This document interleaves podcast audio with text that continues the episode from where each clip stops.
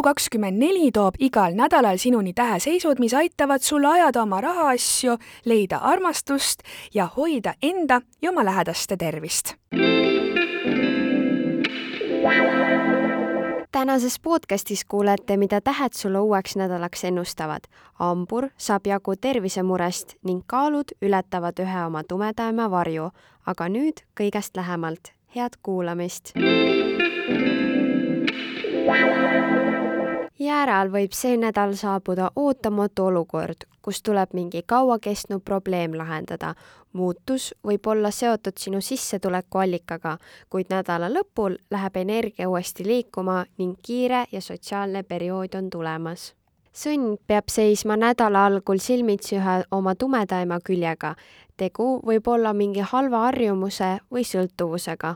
nüüd on võimalik sellega konkreetne lõpp teha. on kaks teed, kas väljendad oma tumedamat poolt või teed sellega järsu lõpu kaksikud võivad sel nädalal agressiivseid ja häirivaid unenägusid näha.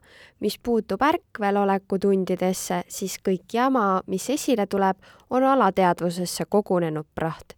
nädala lõpul saad viimaks oma jõu tagasi ning ärkad veidratest painetest, mis sind mõnda aega saatnud on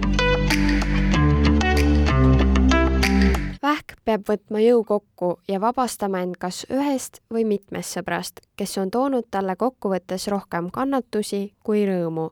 nädala lõpul tunned kõige suuremat väsimust ja mõistad, et sul on vaja lihtsalt puhata.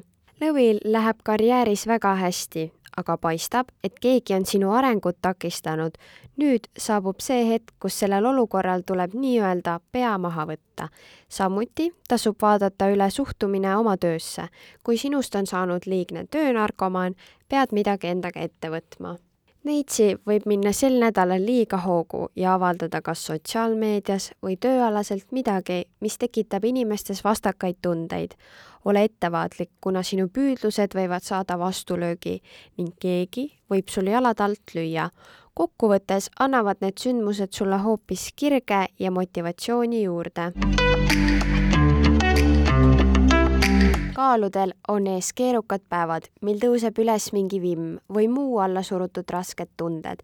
see pole mingi uus olukord, vaid juba kaua kestnud asi, mis on varem vinduma jäänud, kuid viimaks tunned sa, et sulle aitab ja lõikad selle olukorra kas või jõuga läbi Skorpionil läheb sel nädalal koostööga üsna pingeliseks.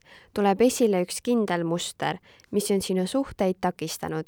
praegu on võimalik sellest mustrist täielikult vabaneda kui olukord laheneb positiivselt, koged sa juba nädala lõpus, et suhted jõuavad uuele tasandile. hamburile võib põhjustada sel nädalal probleeme üks tervisemure või tööalane komplikatsioon, mis on andnud endast ammu märku. nüüd on oluline, kuidas sa selle lahendad, sest on ideaalne aeg see lõplikult seljatada. nädala lõpuks tunned, et saad viimaks oma energia suhtesse suunata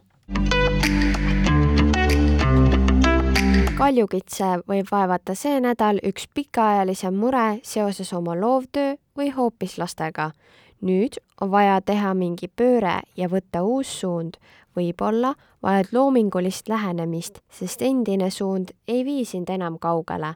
kuid praegu on aeg minevikust lahti lõigata. mingi olukord seoses kodu või perega võib panna veevalaja kannatused tõsiselt proovile oled ehk tahtnud, et miski õnnestuks või teostuks mingil kindlal viisil, kuid vaata sügavamale.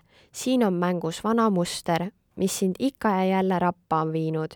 nüüd on võimalik seda muuta.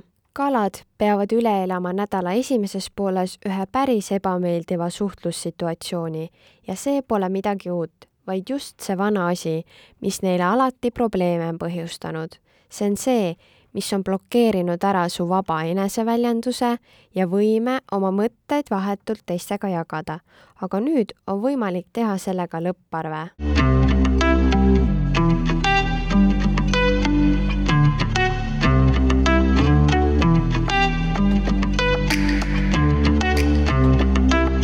sel nädalal tõotasid tähed eriti põnevat nädalat veevalajale, kuid hambur peab eriti jälgima oma tervist